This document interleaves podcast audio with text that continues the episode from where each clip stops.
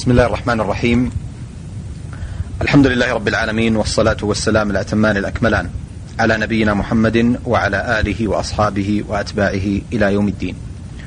أيها الإخوة والأخوات السلام عليكم ورحمة الله وبركاته. وأهلا وسهلا بكم في هذا اللقاء الجديد من برنامجكم في موكب الدعوة. ضيفنا في هذا اللقاء علم من أعلام الفكر والأدب. يحسن تطويع الكلمة الهادفة. ويأسر قارئيه بعبارته الجزلة ونقده البناء يحمل وصف المثقف بأرقى وأسمى وأوسع معانيه. منافع منافح ومدافع مخلص عن اللغة العربية وأصولها. لا يتردد البتة في الذب عنها والرد على كل من أرادها بسوء في ظل معمعة تتجاذبها من كل جانب. كتب في الحداثة وكشف كنهها وأهدافها. يرفع لواء التأصيل في الفكر والسمو بالأدب. مما حمله أن يكون عضوا فاعلا في رابطة الأدب الإسلامي. ضيفنا هو الدكتور حسن بن فهد الهويمل الأستاذ في كلية العلوم العربية والاجتماعية بفرع جامعة الإمام محمد بن سعود الإسلامية بالقصيم ورئيس النادي الأدبي بالقصيم. في مطلع هذا اللقاء باسمكم جميعا أرحب بالدكتور حسن فأهلا وسهلا بكم. حياك الله. يا دكتور حسن في الحقيقة لكل شيء بداية. بداية الدكتور حسن بن فهد الهويمل مولدا ونشأة أين كانت؟ طبعا ولدت عام 1360 في مدينة بريدة ولقيت ما يلقاه أطفال هذه الفترة من بدايات متواضعة لا يعني لا قيمة لها من حيث أن تكون سيرة ذاتية مفيدة. قرأنا في الكتاب وواجهنا صعوبة الحياة وعملنا مع آبائنا في الأعمال الحرفية والأعمال التجارية وغيرها. ثم بعد ذلك بدأ التعليم النظامي فتحت المدارس الابتدائية والمتوسطة والثانوية والمعاهد العلمية فالتحقنا بها وأخذنا طريقنا كأي شاب أتيحت له فرصة الدراسة وفرصة استكمال متطلبات التعليم مراحل التعليم هل يمكن أن نمر بها على عجل دكتور حسن؟ مراحل التعليم أولا أنا بعد الحصول على الشهادة الابتدائية رغب والدي رحمه الله أن أنخرط في سلك العمل الوظيفي وبعد حصولي على الشهادة الابتدائية عام 75 1375 التحقت في المعهد العلمي سنتين. ثم بعد ذلك التحقت في العمل الوظيفي كأستاذ في دور الأيتام آنذاك. وبعدها أحسست أنني بحاجة إلى مواصلة الدراسة فانتسبت إلى المعهد العلمي وحصلت على الثانوية العامة ثم انتسبت إلى كلية اللغة العربية بالمعاهد والكليات آنذاك التي تحولت فيما بعد إلى جامعة الإمام محمد بن سعود الإسلامية. وحصلت على الشهادة الجامعية ثم عن لي أن أواصل الدراسة لأن الفرصة هيأت لنا في كلية اللغة العربية بجامعة الأزهر فانتسبت أنا ومجموعة من الزملاء الذين حصلوا على الشهادة الجامعية وحصلت على شهادة الماجستير ثم بعد ذلك تقدمت بأطروحة الدكتوراه إلى جامعة الإمام محمد بن سعود الإسلامية في الأدب الحديث وحصلت عليها. وانتقلت من التعليم العام إلى التعليم الجامعي إلى جامعة الإمام محمد بن سعود الإسلامية. ثم في العام الماضي تقاعدت وتعاقدت في آن واحد. فخرجت من السلم الوظيفي ودخلت في السلم التعاقدي ولا زلت أقوم بتدريس الأدب الحديث والأدب السعودي الأدب العربي في المملكة العربية السعودية بالذات. أحسنتم يا دكتور. دكتور حسن الهويمل يعني يقال أن الشخص لابد وأن يتأثر بمن حوله. لا سيما وخصوصا في مراحل الطلب والتعليم الأولى. هل تؤمنون دكتور حسن بقضية التأثر بالشخصيات سواء تعليما أو تربية أو غير ذلك؟ والله في مطلع شبابي آه، ويوم كنت طالب في المعهد العلمي آه، كانت آه، تجتذبني شخصية علمية. كبيرة هي شخصية الشيخ عبد الله بن حميد رحمه الله. وكانت له حلقات تعليم في المكتبة العامة. وكنت ألازم هذه الحلقة ولكن لم يتهيأ لي أن أكون من طلابه لأنني في ذلك الوقت صغير السن. ولكنني استفدت من حضور حلقات الدرس وأعجبت بطريقته وبعقليته وبمهابته وبرزانته رحمه الله. آه، أيضا آه، تلقيت التعليم المنتظم على مجموعة من العلماء والمشايخ الذين يتسمون بالسيرة. الحسنة والقدوة الحسنة في تعاملهم مع الطلبة وفي احتشامهم وفي التزامهم و يعني في تمثل القيم العلمية في سلوكهم. على سبيل المثال الشيخ المرحوم صاحب ليهي والشيخ آه، صاحب سكيتي رحمه الله والشيخ علي الضالع آه، من الأحياء آه، الشيخ محمد السبيل مد الله في عمره معالي الشيخ محمد العبودي. هناك شخصيات كثيرة جدا يعني بمجموعها تشكل منظومة أخلاقية وعلمية. آه، الواحد يود أن يلتقط من كل آه، شخصية أحسن آه، ما فيها. فيعني استهوتني بعض الطرائق التي يسلكها البعض والشخصيات الملتزمة التي يتمثلها بعض الأساتذة الذين تلقينا عليهم العلم في مطلع شبابنا. آه، لكن دكتور في الجوانب الأخرى سواء الفكرية والأدبية آه، هل كان هناك شخصيات آه، كان لها تأثير في توجهكم الأدبي والفكري إثر ذلك؟ والله ثلاث شخصيات حقيقة أنا متأثر أو أربع شخصيات على الأصح. أحس أنها تعيش معي وأعيش معها ويعني أعود إليها دائما وأعود إلى أطروحاتها وتناولها وتعاملها مع القضايا. عندك شيخ الإسلام ابن تيمية آه، بن حزم بن عبد البر والشوكاني. هذه الشخصيات الأربعة هي التي فعلا أحس أنها قريبة من نفسي وأنني آه، ممتلئ حبا وإكبارا وإعجابا بها. ولهذا تجد أنني آه، متوفر على كل ما آه، كتبت هذه الشخصيات وما كتب عنها من دراسات. جميل. آه، دكتور حسن في المشوار الحياتي الذي سلكتموه ومتعكم الله بالصحة والعافية والاستمرار فيه لكم نشاطات متعددة وواسعة. في مشاركات سواء علمية أو مؤلفات أو عضوية في عدد من المجالس والجمعيات والمشاركات العامة. هل ممكن أن نستمع إلى أبرز آه، تلك المشاركات؟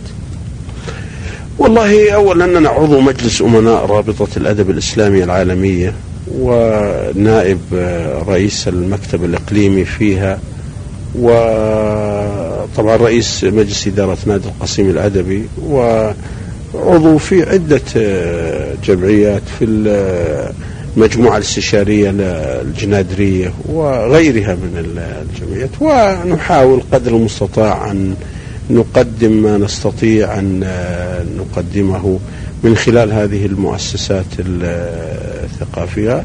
أما المشاركات فهي كثيرة ومتعددة. طبعا داخل المملكة وخارجها الإنسان لا يستطيع أن يحصي هذه المساهمات لأنها تأتي متتابعة وينسى الإنسان ما مر عليه عام أو عامين من مشاركات سواء داخل المملكة، لكن من الأبرز الأشياء اللي هي اللي اشترك فيها هي الفعاليات الثقافية للجامعات السعودية في آه، سوريا وفي الإمارات العربية المتحدة. آه، كنت من المشاركين فيها وكانت هناك فعاليات جسدت المناهج أو المؤسسة يعني أعطينا تصورا للحركة الثقافية والحركة التعليمية في المملكة العربية السعودية من خلال آه، اللقاءات آه، آه، سواء الأمسيات أو الندوات أو المؤتمرات. أحسنتم دكتور. المؤلفات لكم نشاط في ذلك ولله الحمد مشهود ولكم عدد من المنشور والمبثوث منها. لكن هل ممكن أن نستمع إلى أبرز تلك المؤلفات بدءا من أولها كتابة وصدورا؟ والله أول كتاب صدر لي كانت محاضرة ألقيتها في حائل في آه، المكتب الرئيسي لرعاية الشباب في حائل عن آه، حاتم الطائي بين أصالة الشعر وأسطورة الكرم حكم أن حاتم الطائي من منطقة حائل هذه المحاضرة آه، يعني أعجبت الإخوة في الرئاسة وطبعت في كتيب صغير ثم بعد ذلك تتابعت المؤلفات. طبعت مؤلفة مؤلفي الماجستير أو رسالة الماجستير اتجاهات الشعر المعاصر في نجد وطبعت رسالتي للدكتوراه آه، اتجاهات الشعر آه، النزعة الإسلامية في الشعر السعودي المعاصر. طبعها الحرس الوطني ثم طبعها اللجنة المئوية. ثم بعد ذلك تتابعت الكتب. كتاب طبعته وزارة المعارف عن النص الإبداعي التربوي وآخر طبع عن طريق نادي أبها الأدبي سعودية ابن عثيمين واشتركت أيضا في الاحتفالات المئوية بتقديم ودراسة كتاب الملك عبد العزيز في عيون شعراء من القرى بالاشتراك طبعا طبع في مجلدين. آه، لي كتاب عن المثاقفة والأسلمة محاولة لأسلمة الأدب المقارن. آه، الحداثة بين التعمير والتدمير. آه، هناك بحوث أيضا طبعت ضمن ملفات في مؤتمرات وغيرها لا زال عندي الآن عدد آه، كبير من الدراسات والكتب المخطوطة التي يحول دون نشرها رغبتي في أن أراجعها المراجعة الأخيرة قبل الدفع بها إلى المطابع وأرجو أن يتوفر الجهد والوقت الكافي لإخراجها إن شاء الله مستقبلا إن شاء الله لكن هل ممكن أن نستمع في هذا البرنامج إلى آه، شيء من هذه الكتب التي تمون إصدارها قريبا؟ هي على أي حال آه، بحوث ودراسات آه، بعضها نشر في الصحف ونشر في المجلات وقدم آه، عن طريق المهرجانات والندوات واللقاءات وأذيع أيضا عن طريق بعض القنوات الفضائية أو الإذاعات وبعضها الآخر لم ينشر كانت محاضرات أو دراسات ألقيت أو تحكيم يعني دائما الأستاذ الأكاديمي آه، يقوم بنشاطات آه، سرية وهي أن يحكم في بحوث أو في كتب فيحاول وأنا من الذين يحاولون ألا تفوت الفرصة عليهم وينتهي آه، نشاطهم أو جهدهم في التحكيم فقط. فأحول هذا التحكيم إلى دراسة ثم بعد ذلك أقوم بنشر هذه الدراسة على اعتبار أنها نشاط ذاتي وهي في الأساس آه، تحكيم لكتاب أو تحكيم لنشاط أو تحكيم لمشروع من المشاريع.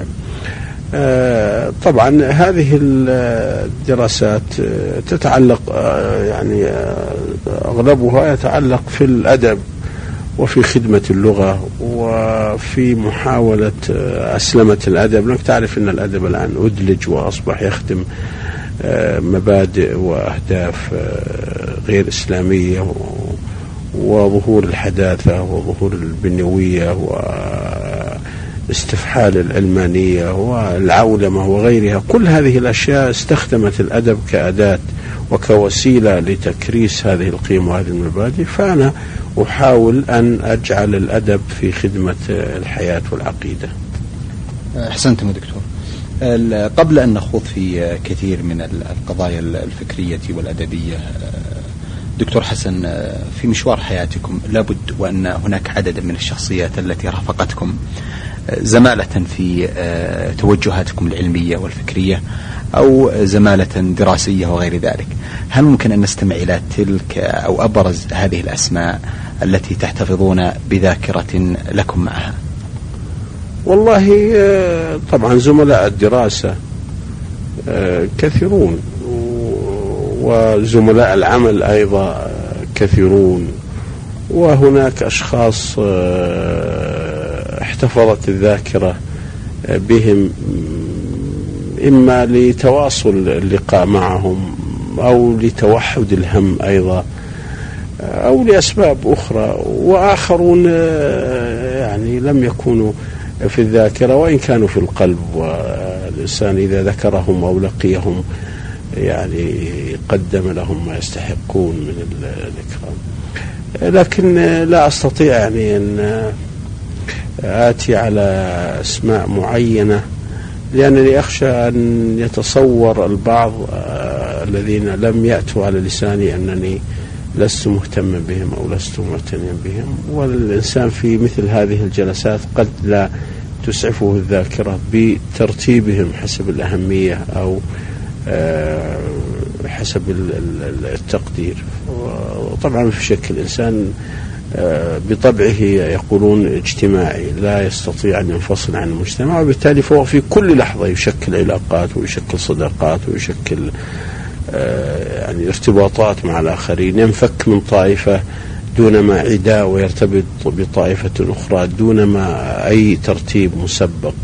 فالإنسان في حياته يعني يخرج من آه، مجموعة ويدخل مع مجموعة سواء كان معها في فكرها أو ضدها وتعلق هذه الشخصيات إما علوقا سلبيا أو علوقا إيجابيا.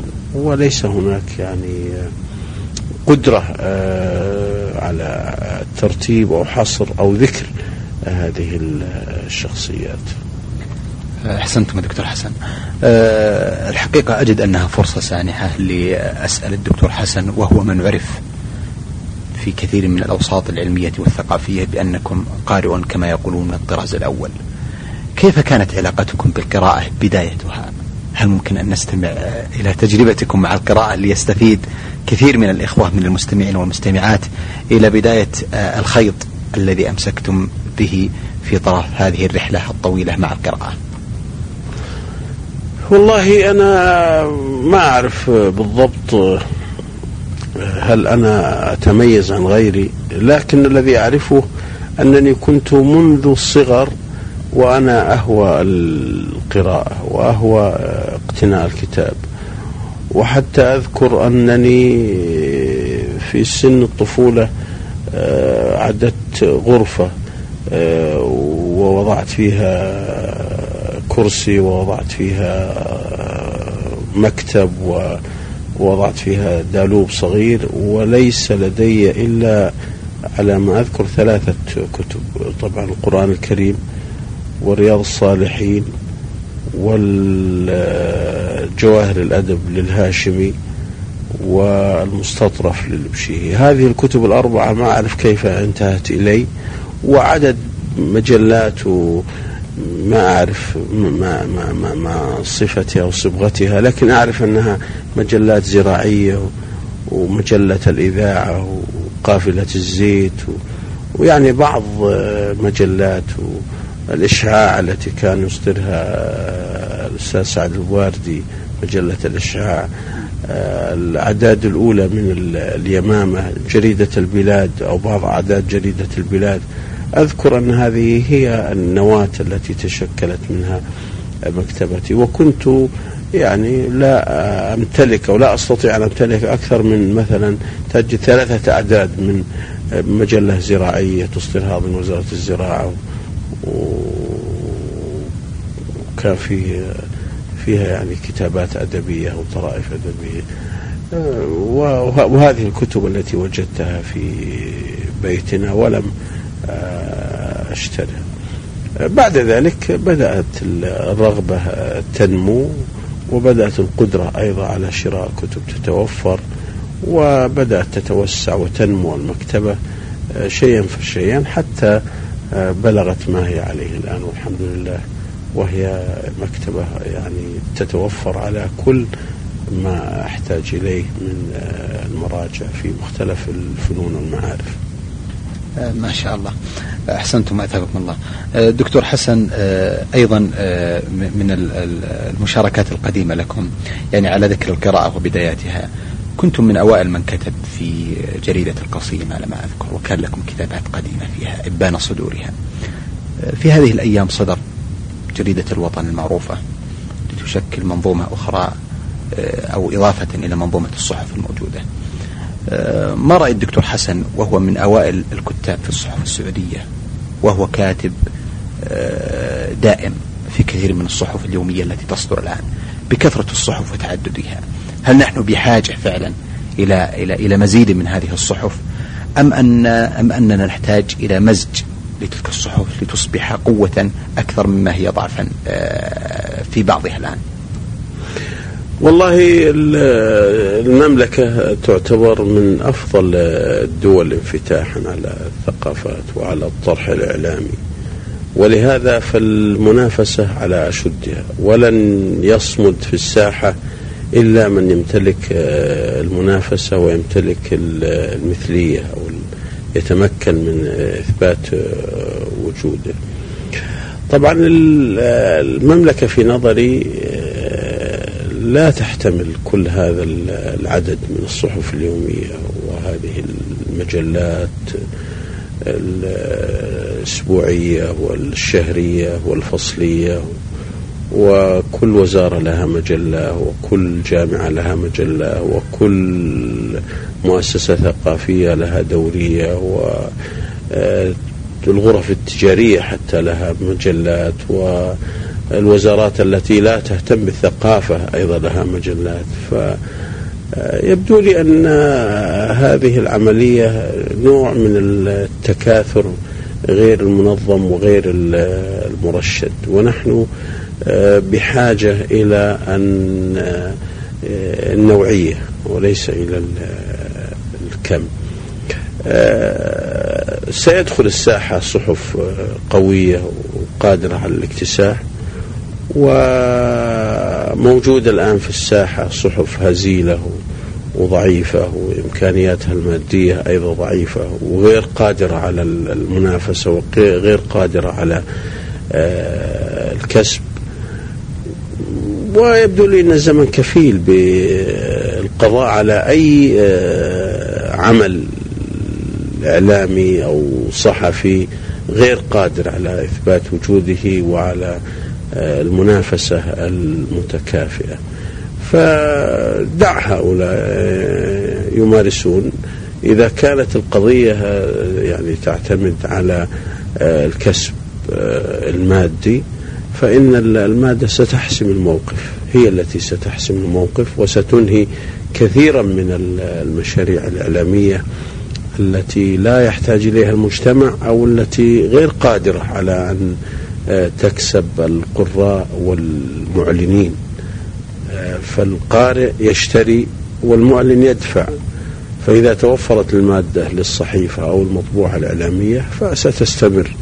وإذا لم تستطع أن تكسب القارئ المشتري والمعلن أيضا الدافع فإنها في النهاية ستتوقف لأن المسألة تعتمد على المادة والمادة لا ترحم هي التي تحسم المواقف أحسنتم دكتور حسن آه، أستأذنكم آه، دكتور حسن في هذه اللحظات أن نتوقف عند هذا الحد حيث أن وقت الحلقة لا يسمح لي بمزيد من ذلك. آه، إلا أنني أعد الإخوة والأخوات أن يكون لنا تواصل قادم بإذن الله تعالى مع سعادة الدكتور حسن بن فهد الهويمل أستاذ الأدب في كلية العلوم العربية والاجتماعية في فرع جامعة الإمام محمد بن سعود الإسلامية بالقصيم ورئيس النادي الأدبي آه، بالقصيم وعضو آه، مجلس الأمناء برابطة الأدب الإسلامي. آه، أكرر جزيل الشكر وتقدير للدكتور حسن على قبوله دعوة البرنامج وآمل أن يتجدد لنا لقاء معه بإذن الله تعالى في الأسبوع القادم وتقبلوا تحية من محدثكم محمد بن عبد الله مشوح والسلام عليكم ورحمة الله وبركاته. في موكب الدعوة إعداد وتقديم محمد بن عبد الله المشوح.